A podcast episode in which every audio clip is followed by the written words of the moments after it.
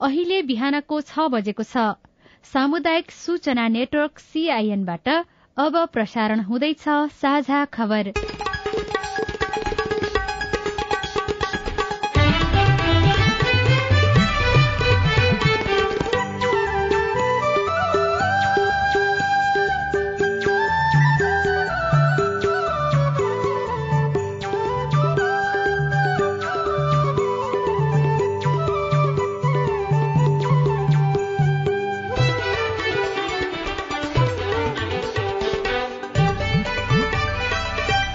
शुभ प्रभात यो सीआईएनको साझा खबर हो। सजना तिमल सिन्हासँगै लील प्रकाश चन्दको तपाईँलाई स्वागत छ। सामुदायिक रेडियोबाट देशैभरि एकैसाथ प्रसारण भइरहेको साझा खबर सीआईएन खबर डट कम र मोबाइल एप सीआईएनबाट पनि सुन्न सकिन्छ। आज दुई हजार उनासी साल कार्तिक चार गते शुक्रबार अक्टोबर एक्काइस तारीक सन् दुई हजार बाइस नेपाल सम्बत एघार सय बयालिस कार्तिक कृष्ण पक्षको एकादशी उपरान्त द्वादशी तिथि। साझा खबरमा प्रमुख खबरका शीर्षकहरू। आचार संहिता कार्यान्वयनमा कठोर बन्दै निर्वाचन आयोग बीस जिल्लाको प्रत्यक्षतर्फको मतपत्र छपाई सकियो दलहरूको घोषणा पत्रमा संसदीय समितिले निगरानी गर्ने। प्रतिस्पर्धी दलबाटै निर्वाचन सुरक्षामा चुनौती। भ्रष्टाचार मुद्दामा सफाई पाउने क्रम बढ़्यो। श्रम स्वीकृतिका सबै काम भइरहेबाट शुरू घर जग्गा कारोबार आधा घट्यो। ब्याजदर घटाउने सुझाव कार्यान्वयन गर्ने अर्थ मन्त्रालयको निर्णय। भारतबाट आयात हुने सयपत्री फूलमा प्रतिबन्ध। इण्डोनेसियामा झोल औषधिको बिक्रीमा रोक। ईयूद्वारा इरानी ड्रोन उत्पादक र सेनाका उच्च अधिकारी विरूद्ध प्रतिबन्ध फ्रान्समा महँगीको विरोधमा आन्दोलन शुरू र नौ राष्ट्रिय खेलकुद प्रतियोगिता सम्पन्न विभागीय टोलीकै वर्चस्व दशौं राष्ट्रिय खेलकुद कर्णालीमा हुने।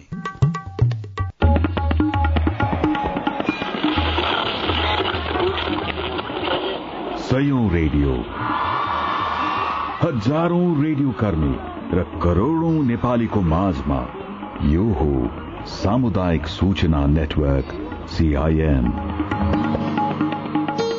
साझा खबरको सबैभन्दा शुरूमा बीस जिल्लाको प्रत्यक्षतर्फको मतपत्र छपाई सकिएको प्रसंग आगामी मंगिर चारमा हुने प्रतिनिधि सभा र प्रदेशसभा निर्वाचनका लागि हालसम्म बीस जिल्लाको प्रत्यक्षतर्फको मतपत्र छपाईको काम सकिएको छ। प्रतिनिधि सभातर्फ अछाम डोटी कैलाली र कञ्चनपुर तथा प्रदेशसभातर्फ डोटी डडेलधुरा र कैलाली जिल्लाको मतपत्र छपाई गरेर ढुवानीका लागि तयारी अवस्थामा राखिएको निर्वाचन आयोगले जनाएको छ। आयोगका प्रवक्ता शालिग्राम शर्मा पौडेलका अनुसार प्रत्यक्ष प्रणालीतर्फको करिब तीस प्रतिशत मतपत्र छपाईको काम सकिएको छ। हालसम्म एक करोड़ अठाइस लाख उनाचास हजार पाँच सय मतपत्र छापिएको छ जसमा प्रदेशसभातर्फको चौसठी लाख बत्तीस हजार पाँच सय र प्रतिनिधि सभातर्फको चौसठी लाख सत्र हजार रहेको छ। एक करोड़ उनासी लाख अठासी हजार पाँच सय सत्तरी मतदाताको लागि प्रत्यक्षतर्फ करिब चार करोड़ र समानुपातिक निर्वाचन प्रणालीका लागि चार करोड़ मतपत्र आवश्यक पर्ने आयोगले जनाएको छ। यसैबीच निर्वाचन आयोगले सुदूरपश्चिम प्रदेशका जिल्लामा समानुपातिक निर्वाचन प्रणालीतर्फको मतपत्र ढुवानी पनि हिजोबाट शुरू गरिएको जानकारी दिएको छ। कैलाली कञ्चनपुर डोटी डडेलधुरा बझाङ बैतडी दार्चुला लगायतका जिल्लामा मतपत्र ढुवानी भइसकेको आयोगको भनाइ छ। आचार संहिताको अटेर गर्ने क्रम नरोकिएपछि आयोगले उम्मेद्वारहरूलाई भने कार्यवाही प्रक्रिया पनि शुरू गरेको छ। नेकपा एकीकृत समाजवादीका अध्यक्ष माधव कुमार नेपालले स्पष्टीकरण नबुझाउँदै आयोगले उहाँलाई कार्यवाही गर्न रौतहट प्रहरीलाई पत्र लेखेको छ। नेता नेपालले रौतहट क्षेत्र नम्बर एकमा आयोजित एउटा कार्यक्रममा आफूले चुनाव जितेमा युवालाई रोजगारीका लागि निशुल्क विदेश पठाइदिने आश्वासन दिएको भिडियो सहितको सामग्री आयोगले प्रहरीलाई पठाएको छ। तर जिल्ला प्रहरी कार्यालय रौतहटका प्रवक्ता प्रहरी नायब उपरीक्षक सुनिल मल्लले आफूहरूले चिठी नपाएको सीआईएनसँग बताउनुभयो। त्यही त खोइ अब यहाँ बाहिर बाहिर देखिरहेको मैले मैले त आधिकारिक त छैन त। अहिलेसम्म पाएको छैन हाम्रो। छैन। नआइकन त के गर्न सकिन्छ र? होइन के हो त्यसको परिचय के हो? पहिलो अनुभव हो होइन? प्र्याक्टिसमा पहिलो प्र्याक्टिस हो। नआएसम्म थाहा हुँदैन। यसअघि प्रधानमन्त्री शेरबहादुर देउबा पत्नी आर्जु राणाले असोज तेइसमा डडेलधुराको एउटा कार्यक्रममा युवालाई फ्री भिसा फ्री टिकटमा विदेश पठाउने आश्वासन दिनुभएको थियो। उहाँले कैलालीका बेरोजगार चार सय भन्दा बढ़ी युवालाई निशुल्क भिसा र टिकटमा विदेश पठाएको समेत सुनाउनु भएको थियो तर उहाँलाई भने निर्वाचन आयोगले स्पष्टीकरण सोधेको छैन। प्रमुख निर्वाचन आयुक्त दिनेश कुमार थपलियाले पद पैसा र पहुँचले निर्वाचन प्रभावित हुन नहुने बताउनु भएको छ। फेसबुकको मातृ कम्पनी मेटाले हिजो आयोजना गरेको तालिममा उहाँले निर्वाचन पद पैसा र पहुँचले प्रभावित हुन नहुने भन्दै निष्ठा विचार र सिद्धान्तबाट निर्देशित हुनुपर्नेमा जोड़ दिनुभयो। शान्ति स्थिरता सुशासन र समृद्धि हाम्रो गन्तव्य हो। यो गन्तव्यमा पुग्ने पहिलो पाइला निर्वाचनबाट प्रारम्भ हुन्छ भन्ने हाम्रो बुझाइ छ। यदि पहिलो पाइला नै धर्मरायो भने यदि पहिलो पाइला नै दूषित र दिग्भ्रमित भयो भने हामी गन्तव्यमा पुग्न सक्दैनौँ। त्यसैले निर्वाचन पद पैसा र पहुँचले प्रभावित हुन हुँदैन। निष्ठा विचार र सिद्धान्तबाट निर्देशित हुनुपर्छ भन्ने मान्यता स्थापित गरौं। निर्वाचनको स्वच्छताको लागि सामाजिक सञ्जालको व्यवस्थित उपयोग गरौं।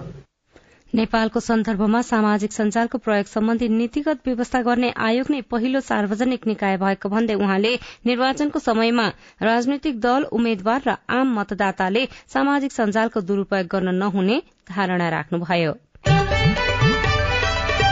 प्रतिस्पर्धी राजनैतिक दलबीच हुन सक्ने विवाद र झडपले सुरक्षामा चुनौती बन्न सक्ने आकलन गर्दै गृह मन्त्रालयले त्यसै अनुसारको तयारी गर्नको लागि मातहतका निकायलाई भनेको छ। गृह मन्त्रालयले चारवटै सुरक्षा निकायलाई त्यही अनुसारको पूर्व तयारी तथा सतर्कता अप्नाउन सतहत्तरवटै जिल्ला प्रशासन कार्यालय मार्फत निर्देशन दिएको छ। गृह मन्त्रालयका प्रवक्ता सहसचिव फणिन्द्र मणि पोखरेलले निर्वाचन सुरक्षामा कुनै कसर बाँकी नराखी सम्भावित सुरक्षा चुनौतीको विश्लेषण गरी पूर्व तयारी अप्नाउन सुरक्षा निकायलाई निर्देशन दिइएको बताउनुभयो। उहाँका अनुसार चुनावमा प्रतिस्पर्धा गरेका पार्टीका चुनावी सभा र्याली तथा घर दैलोमा विशेष ध्यान दिन भनिएको छ। यसैबीच निर्वाचनको समयमा उम्मेद्वारले गर्ने खर्चको सीमाको बारेमा आयोगले फेरि सम्झना गराएको छ। निर्वाचनमा मन लाग्दै खर्च हुने र त्यसले मतदाता प्रभावित हुन सक्ने भन्दै आयोगले खर्चको सीमा तोकेको हो। चार मक्सिरमा हुने प्रतिनिधि सभा तथा प्रदेश सभा निर्वाचनमा उम्मेद्वारले खर्च गर्न पाउने सीमा र क्षेत्र तोकिएको निर्वाचन आयोगले जनाएको छ। आयोगले प्रतिनिधि सभा सदस्य निर्वाचन ऐन दुई हजार चौहत्तर प्रदेश सभा सदस्य निर्वाचन ऐन दुई हजार चौहत्तर निर्वाचन आचार संहिता दुई हजार उनासी तथा प्रतिनिधि सभा सदस्य तथा प्रदेश सभा सदस्य निर्वाचन निर्देशिका दुई हजार उनासीको प्रतिकूल नहुने गरी उम्मेद्वारले गर्न पाउने खर्चको शीर्षक तोकेको हो। उम्मेद्वारले मतदाता नामावली खरिद प्रचार प्रसार सामग्री गोष्ठी अन्तर्क्रिया छापा एवं विद्युतीय माध्यम लगायतको क्षेत्रमा खर्च गर्न पाउने गरी सीमा निर्धारण गरिएको छ। निर्वाचनका लागि राजनीतिक दलहरूले बनाएको घोषणा पत्रमा दिगो विकास र सुशासनको विषय समावेश भए नभएको बारेमा संसदीय समितिले निगरानी गर्ने भएको छ। घोषणा पत्रलाई दलहरूले अन्तिम रूप दिन लागेको भए पनि समितिमा रहेका सदस्यहरूले आफ्नो दलमा छलफल र निगरानी गर्ने सहमति भएको दिगो विकास तथा सुशासन समितिका सभापति प्रकाश पन्तले सीआईएनसँग बताउनुभयो। ढिलै नै सभापति पनि भयो। सभापति हुने बित्तिकै दसैँहरू आयो दसैँ हाँसी फेरि चुनावमा गइसक्यो। अब सबै मान्यजीहरू जिल्ला जिल्ला हुनुहुन्छ भर्चुअली सकिन्छ। त्यो मान्यजीहरू त्यो खालको चाहिँ आफूमा घोषणा पत्रहरूमा के छ हेर्नु होला भनेर त्यहाँ सबै पार्टीका साथीहरू हुनुहुन्छ मान्यजीहरू आफूमा पार्टीका कम्तीमा हेर्नु होला है दिगो विकासको दृष्टिले ठिक भएको भएन भनेर त्यो सकिन्छ। भन्छौँ भन्छौँ गर्छौँ त त गर्छौँ। दिगो विकासका दृष्टिले पार्टीका घोषणा पत्रहरूले हाम्रो दिगो विकासको कुन कुन लक्ष्यहरूलाई कसरी समाधान गर्छ कुन कुन लक्ष्यहरूलाई यसले चाहिँ सहयोग सपोर्ट गर्छ। जबकि भोलि उनीहरू नै आएर सरकार बन्ने भएको हुनाले आर्थिक विकासको दृष्टिले पनि हाम्रो सत्रवटा लक्ष्यहरूलाई अरू थुप्रै चाहिँ इन्डिकेटर छ तिनीहरूलाई मिट गर्ने गरी चाहिँ घोषणापत्र बनाऊ। त्यो घोषणापत्रले यो मिट गर्छ गर्दैन जाँच हेर बुझ भन्न सकिहालिन्छ नि। सभापति पन्थका अनुसार दलहरूले बनाएको घोषणा पत्रका बारेमा चुनावपछि पनि समीक्षा तथा कार्यान्वयनको अवस्थाका बारेमा सरकारवाला निकायसँग छलफलको तयारी गरिएको छ। गत असोजको तेस्रो र अन्तिम साता कर्णाली प्रदेशका विभिन्न जिल्लामा आएको बाढ़ी पहिरोले पुर्याएको क्षतिको आधारमा मूल्याङ्कन गरी सरकारले राहत तथा पुनस्थापनाका कार्यक्रम चलाउने भएको छ। क्षति र प्रभावको अध्ययनका लागि पुगेको टोलीले हिजोबाट काम शुरू गरेको राष्ट्रिय विपद व्यवस्थापन प्राधिकरणले जानकारी दिएको छ। कर्णालीका हुम्ला जुम्ला मुगु र कालीकोट जिल्लामा भएको क्षतिको प्रारम्भिक अध्ययनका लागि वरिष्ठ इन्जिनियरहरूको नेतृत्वमा चारवटा टोली पठाइएको प्राधिकरणका प्रवक्ता डाक्टर डिजन भट्टराईले सीआईएनसँग बताउनुभयो। वस्तुगत अवस्थाको बारेमा विश्लेषण गर्ने हेर्ने र पुनर्निर्माण र पुनस्थापना कामहरू अगाडि बढाउन निम्ति चाहिँ विभिन्न इन्जिनियर लगायतका प्राविधिक टोलीहरू पनि प्रणालीका विभिन्न जिल्लाहरूमा जानुभएको छ। यहाँबाट प्राप्त भएको अध्ययन रिपोर्टको आधारमा चाहिँ आगामी दिनका कार्यहरू अगाडि बढ्नेछन् कोहीले अध्ययन गर्छ र अध्ययनको प्रतिवेदन चाहिँ प्राधिकरण समक्ष बुझाउँछ। र प्राधिकरणले चाहिँ त्यो अध्ययनको प्रतिवेदन हेरेर त्यहाँ थप गर्नुपर्ने के के कुरा हुन सक्छ त्यो अनुसार काम अगाडि बढाउँछ। टोलीहरूले आफूले आफू खटिएको जिल्ला विपद व्यवस्थापन समितिसँग छलफल गरी क्षति भएको जिल्लाका सबै पालिकाका निजी घर टहरा सरकारी तथा गैर सरकारी निकायका भौतिक संरचनाको क्षति अनुमान सहित अध्ययन गर्नेछ। स्थानीय तहका जनप्रतिनिधिहरू र त्यहाँ कार्यरत प्राविधिकहरूसँग समन्वय गरेर समस्या समाधानका लागि तत्कालीन र दीर्घकालीन सुझाव सहितको प्रतिवेदन प्राधिकरणलाई टोलीले बुझाउनेछ। गत असोज अठाइस गते बसेको मन्त्री परिषदको बैठकले कर्णाली प्रदेशका ती चार जिल्लाका प्रभावित स्थानीय तहको भौगोलिक क्षेत्रलाई विपद संकटग्रस्त क्षेत्र घोषणा गरेको थियो।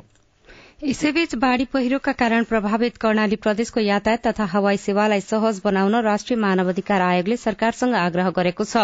आयोगले एक विज्ञप्ति निकाल्दै बाढ़ी पहिरोका कारण कर्णाली राजमार्ग एक्काइस असोजदेखि अवरूद्ध हुनुका साथै जुम्ला मुगु हुम्ला र डोल्पामा केही दिनदेखि हवाई सेवा समेत प्रभावित भएको प्रति गम्भीर ध्यानकर्षण भएको जनाएको हो।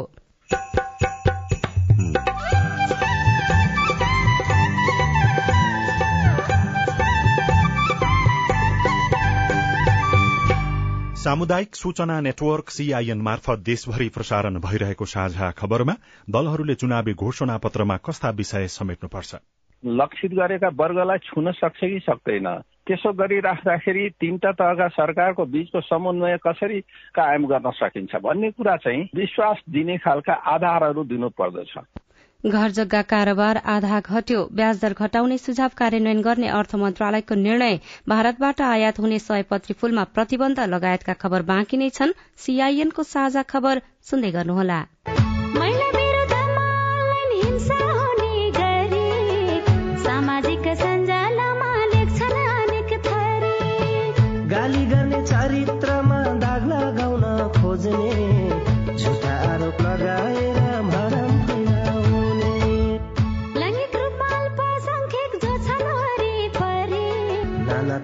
हिंसा गर्छन् होच्याउने गरी नजिस्काउनु शरीर र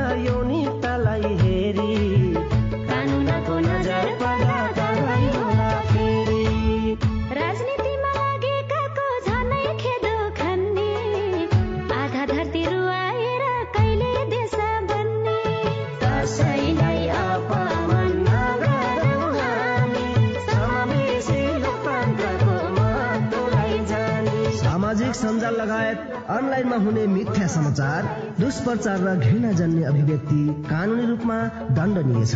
अनलाइन हिंसा नगरौं र नसहौं। युएसएआईडी र एनडीआई नेपालको आर्थिक तथा प्राविधिक सहयोगमा पर्पल फाउन्डेशनको चेतनामूलक सन्देश। सामाजिक रूपान्तरणका लागि यो हो सामुदायिक सूचना नेटवर्क सीआईएन तपाई अहिले देशभरिका सामुदायिक radio C I N Khabar dot com र मोबाइल एप सीआईएनबाट एकैसाथ साझा खबर सुन्दै हुनुहुन्छ। मोबाइल एप नेपाली पात्रोबाट पनि सीआईएनको साझा खबर सुनिरहनु भएको छ। अब आज काठमाडौँबाट प्रकाशित पत्र पत्रिकाको खबर। कारोबार दैनिकले श्रम स्वीकृतिका सबै काम भइरहेबाटै शुरू शीर्षकमा खबर लेखेको छ। वैदेशिक रोजगार व्यवस्थापन शाखा कार्यालय स्थापना भएको चार महिनापछि श्रम स्वीकृतिका सबै काम भइरहेबाट शुरू भएको छ। यसअघि भइरहेवा स्थित यस कार्यालयबाट संस्थागत तथा पुनः श्रम स्वीकृतिका काम मात्रै हुँदै आएकोमा हिजोदेखि वैयक्तिक तथा नयाँ श्रम स्वीकृतिको काम समेत शुरू भएको श्रम कार्यालयको भइरहेवा स्थित वैदेशिक रोजगार व्यवस्थापन शाखाका प्रमुख एवं शाखा अधिकृत केशवराज भट्टराईले बताउनु भएको छ। तिहारमा आयातित सयपत्री फूल प्रतिबन्ध शीर्षकमा कारोबार दैनिकमै अर्को खबर छ। सरकारले तिहारमा भारतबाट आयात हुने सयपत्री फूल प्रतिबन्ध लगाएको छ। तिहारमा विशेष गरी शहरी क्षेत्रमा करिब पचासी प्रतिशत सयपत्रीको माग आन्तरिक उत्पादनले धान्ने गरेको भए पनि पन्ध्र प्रतिशत सयपत्री फूल आयात हुने गरेकोमा यो वर्ष सयपत्री फूल आयातमा सरकारले रोक लगाएको फ्लोरिकल्चर एसोसिएशन नेपालले बताएको छ। यस्तै वातावरण विभागले आजदेखि प्लास्टिक जन्ने फूल गुच्छाको उत्पादन आयात र बिक्री वितरणमा रोक्न माइकिङ तथा अनुगमन गर्ने भएको छ। तिहार र छठको मुखमा सरकारले सूचना जारी गर्दै प्लास्टिक जन्ने फूल गुच्छामा रोक लगाएको हो। नयाँ पत्रिका दैनिकमा सुरोज जङ पाण्डेले चुनावी एजेण्डामा दलहरूको उपेक्षा चुनावलाई एजेण्डा केन्द्रित बनाउने भन्दा पनि कसरी पपुलर कार्यक्रम ल्याउने भन्ने दाउपेजमा दलहरू लागेको खबर छापिएको छ। आगामी चार मंगिरको प्रदेश र प्रतिनिधि सभा निर्वाचनको काउन्ट डाउन सप्ताहमा बढ़दा दलहरूले चुनावी घोषणा पत्र सार्वजनिक गर्न ढिलाइ गरेका छन्। तिहारपछि घोषणा पत्र सहित निर्वाचन क्षेत्र जाने कांग्रेसको तयारी रहेको छ। माओवादी र एकीकृत समाजवादीको घोषणा पत्र लेखन सकिएको छ। सार्वजनिकमा ढिलाइ भएको छ। जसपा र लोसपाको घोषणा पत्र पनि तिहार पछि मात्रै आउनेछ। घोषणा पत्र सार्वजनिक गर्ने पहिलो दल राप्रपा बन्ने तयारीमा जुटेका। अर्को खबर ब्याजदर घटाउने सुझाव कार्यान्वयन गर्ने अर्थ मन्त्रालयको निर्णय शीर्षकमा भित्री पन्नामा छ। अर्थ मन्त्रालयले बैंकको ब्याजदर सम्बन्धी अध्ययन समितिले तयार पारेको प्रतिवेदन कार्यान्वयन गर्ने निर्णय गरेको छ। तेइस असोजमा मन्त्रालयका सहसचिव बाबुराम सुवेदी संयोजकत्वको समितिले आर्थिक अवस्था बैंकको ब्याजदर र वित्तीय लागत न्यूनीकरण लगायतका विषयमा अध्ययन गरी प्रतिवेदन बुझाएको थियो। अर्थले प्रतिवेदनमा उल्लेखित ब्याजदर घटाउने उपाय सहितको सुझाव कार्यान्वयन गर्ने निर्णय गरेको हो तर मन्त्रालयले हालसम्म यो प्रतिवेदन भने सार्वजनिक गरिसकेको छैन। अर्को खबर भूमि वर्गीकरण नहुँदा घर जग्गा कारोबार आधा घट्यो शीर्षकमा मुना कुंवरले लेख्नु भएको छ। चालू आर्थिक वर्ष दुई हजार उनासी अस्सीमा घर जग्गा कारोबार आधा घटेको छ। घर जग्गा कारोबार घटेपछि सरकारले संकलन गर्दै आएको राजस्वमा समेत गिरावट आएको छ। भूमि व्यवस्था सहकारी तथा गरीबी निवारण मन्त्रालयको निर्देशन अनुसार स्थानीय तहहरूले भूमिको वर्गीकरण नगर्दा जग्गाको कारोबार नभएको पाइएको हो। कान्तिपुर दैनिकको अर्थ वाणिज्य पृष्ठमा आर्थिक संकटमा पनि असर्फी मोह शीर्षकमा यज्ञ बन्जाडेले खबर लेख्नु भएको छ। अर्थतन्त्र संकट उन्मुख रहेको अवस्थामा पनि असर्फी सुनको सिक्का र स्मारिका चाँदीको सिक्काको माग बढ़ेको छ। मुलुकमा विदेशी मुद्राको संचित घटिरहेकाले सरकारले कार मोटरसाइकल रक्सी र मोटर मोबाइलको आयातमा रोक लगाएको छ। सुनको दैनिक आयात सीमा घटाएको छ भने चाँदीको भन्सार कर बढ़ाएको छ। तर सुन चाँदी पसलहरूमा तिहारलाई लक्षित गरी सुन र चाँदीका सिक्का किन्नेको जमात भने बढ़िरहेको व्यवसायीहरू बताउँछन्। नेपालमा मुख्य रूपमा यस्ता सिक्का बिक्री गर्ने राष्ट्र बैंक टक्सार विभागको भनाई पनि यही रहेको छ। विदेशी मुद्राको संचित घटेको भन्दै सरकारले सुन आयातको सीमा घटाएको र चाँदीमा भन्सार कर बढ़ाएको छ। तर तिहारलाई लक्षित गरी सुन चाँदीका सिक्का किन्नेको चाप भने पसलहरूमा उस्तै रहेको छ।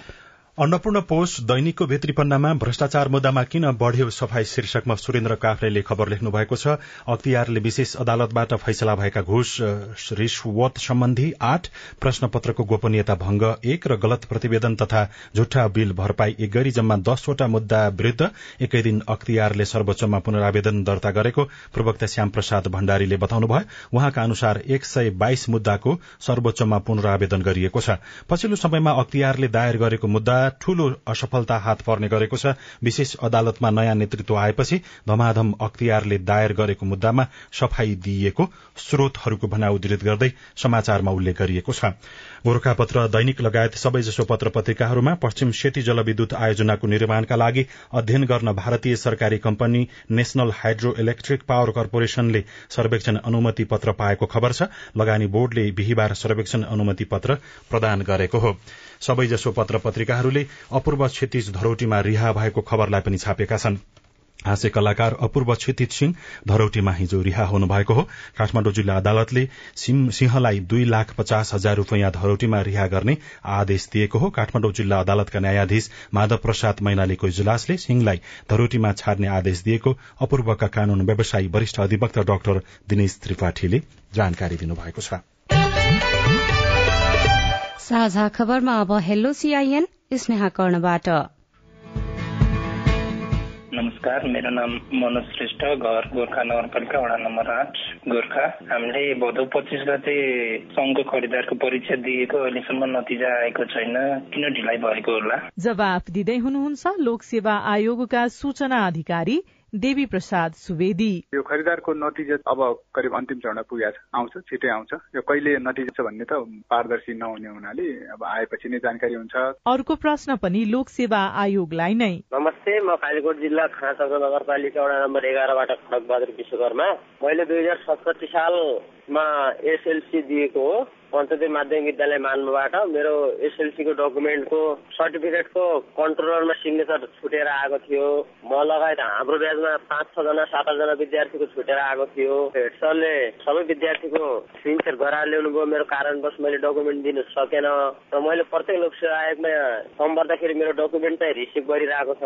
सक्कली डकुमेन्ट फेरि मलाई केही समस्या पर्ने हो कि? र त्यो डकुमेन्टको सिग्नेचर गराउन मैले कहाँ जानुपर्ने हो? कुन ठाउँमा मैले गर्नुपर्ने हो? यसको जवाब पाउँथे तपाईँको जिज्ञासा बारे लोकसेवा आयोगका सूचना अधिकारी सुवेदी यसो भन्नुहुन्छ।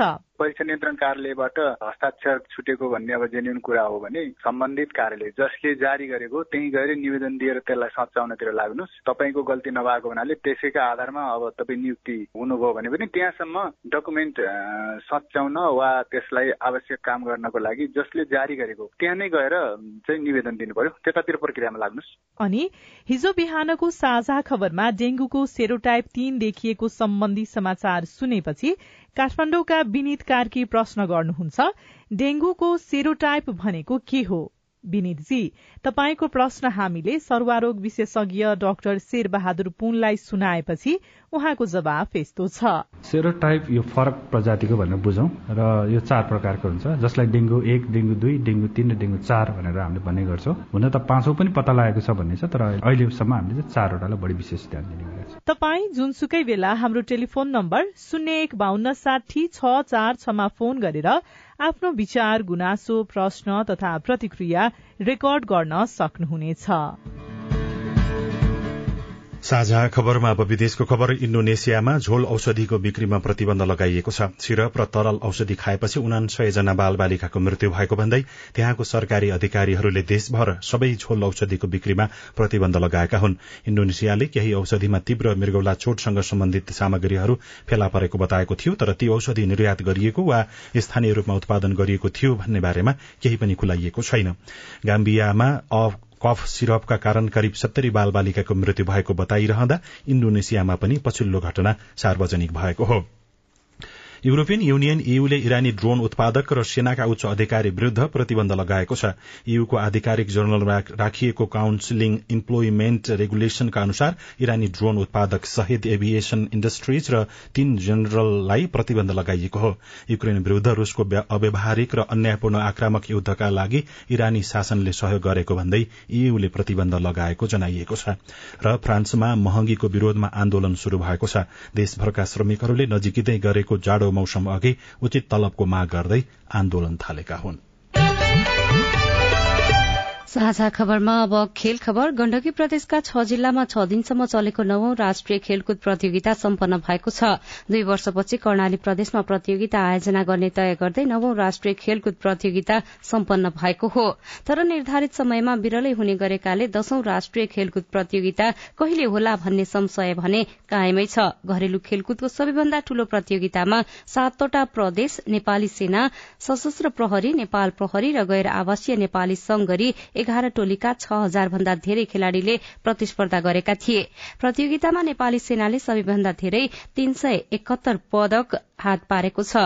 सेनाले एक सय बहत्तर स्वर्ण सहित एक सय दश रजत र उनानब्बे काश्य सहित तीन सय एकहत्तर पदक हात पारेको हो।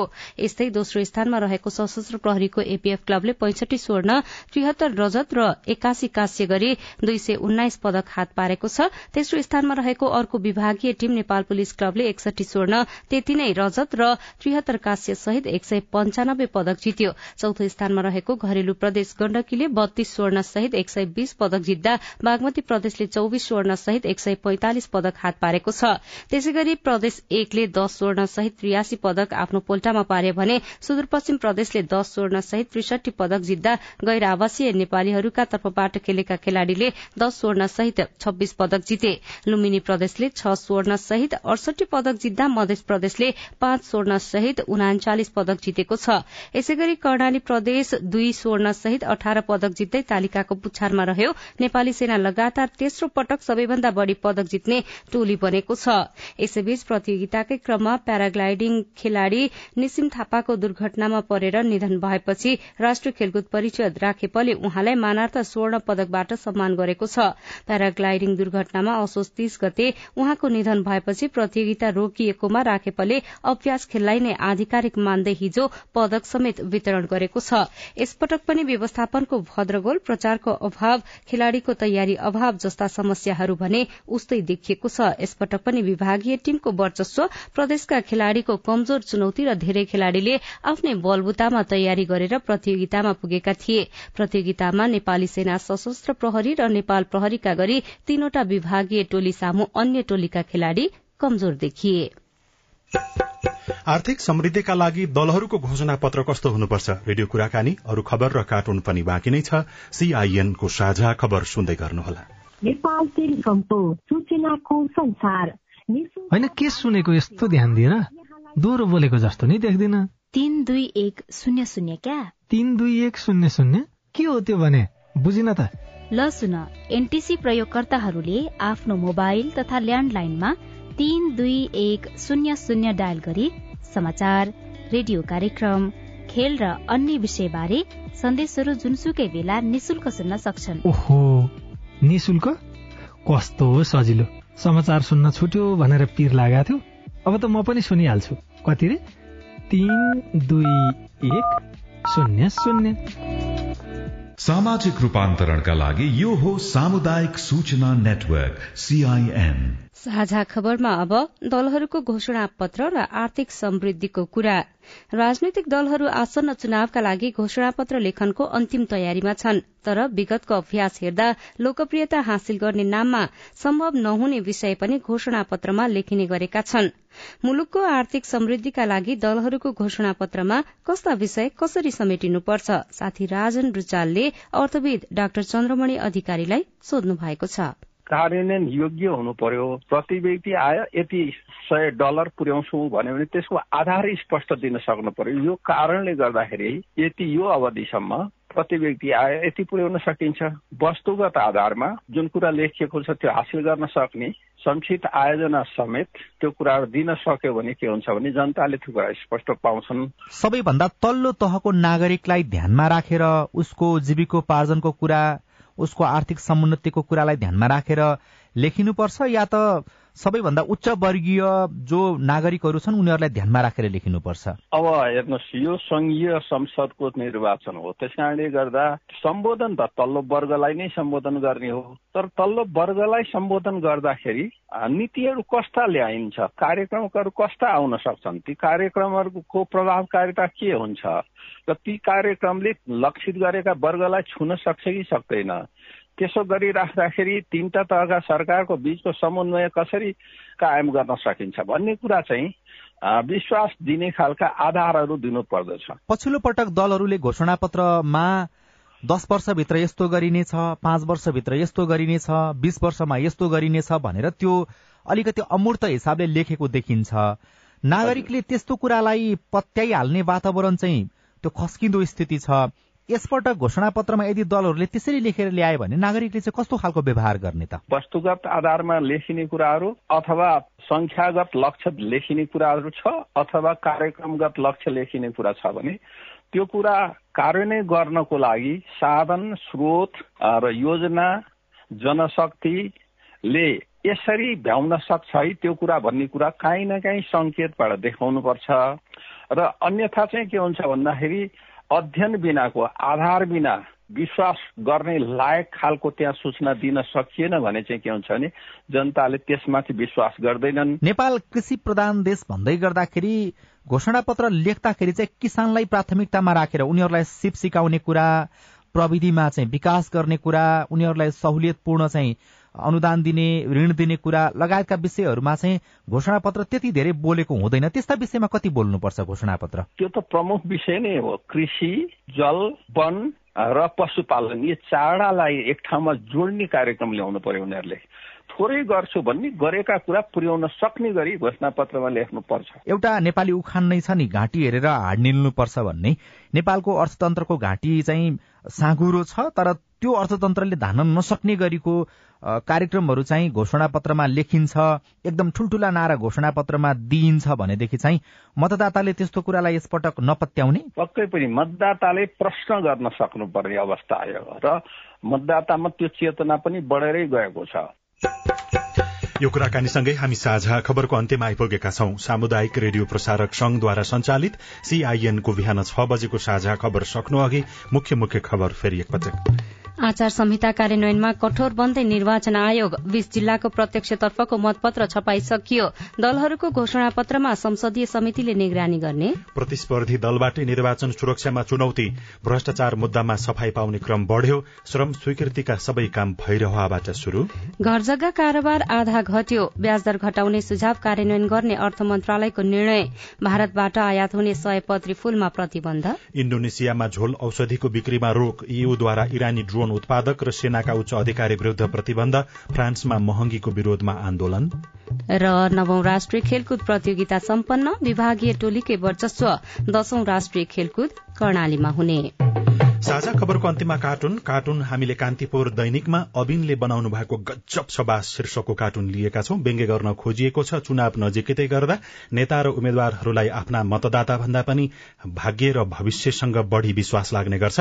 यहाँ एकजना ज्योतिष एउटा रूख मुनि बसेर ज्योतिषी त्यहाँ हात देखाइराखेको हेरिराखेको जस्तो देखाइएको छ। त्यही भीड़मा एकजना नेता जस्ता देखिने ठूलो भूनि भएका व्यक्ति त्यहाँ छन् र अरू केही लाइन लागिराखेको जस्तो देखाइएको छ। त्यहाँ ज्योतिषले केही भनिराखेका छन् र ती नेता जस्ताले केही बोलेका छन् तल चाहिँ यस्तो लेखिएको छ के रे के रे? म जिल्ला जस्तो देखिन्न रे। हात हेर्नुहोस् क्या हात अनुहार होइन। हवस् त प्राविधिक साथी सुनिल राज भारतलाई धन्यवाद। अहिलेलाई लील प्रकाश चन्द र सजना तिमल सिन्हा विदा भयौं। तपाईँको आजको दिन शुभ होस्। नमस्कार। यसपछि देशभरिका सामुदायिक रेडियोबाट कार्यक्रम हेल्लो सांसद प्रसारण हुनेछ। सुन्ने प्रयास गर्नुहोला।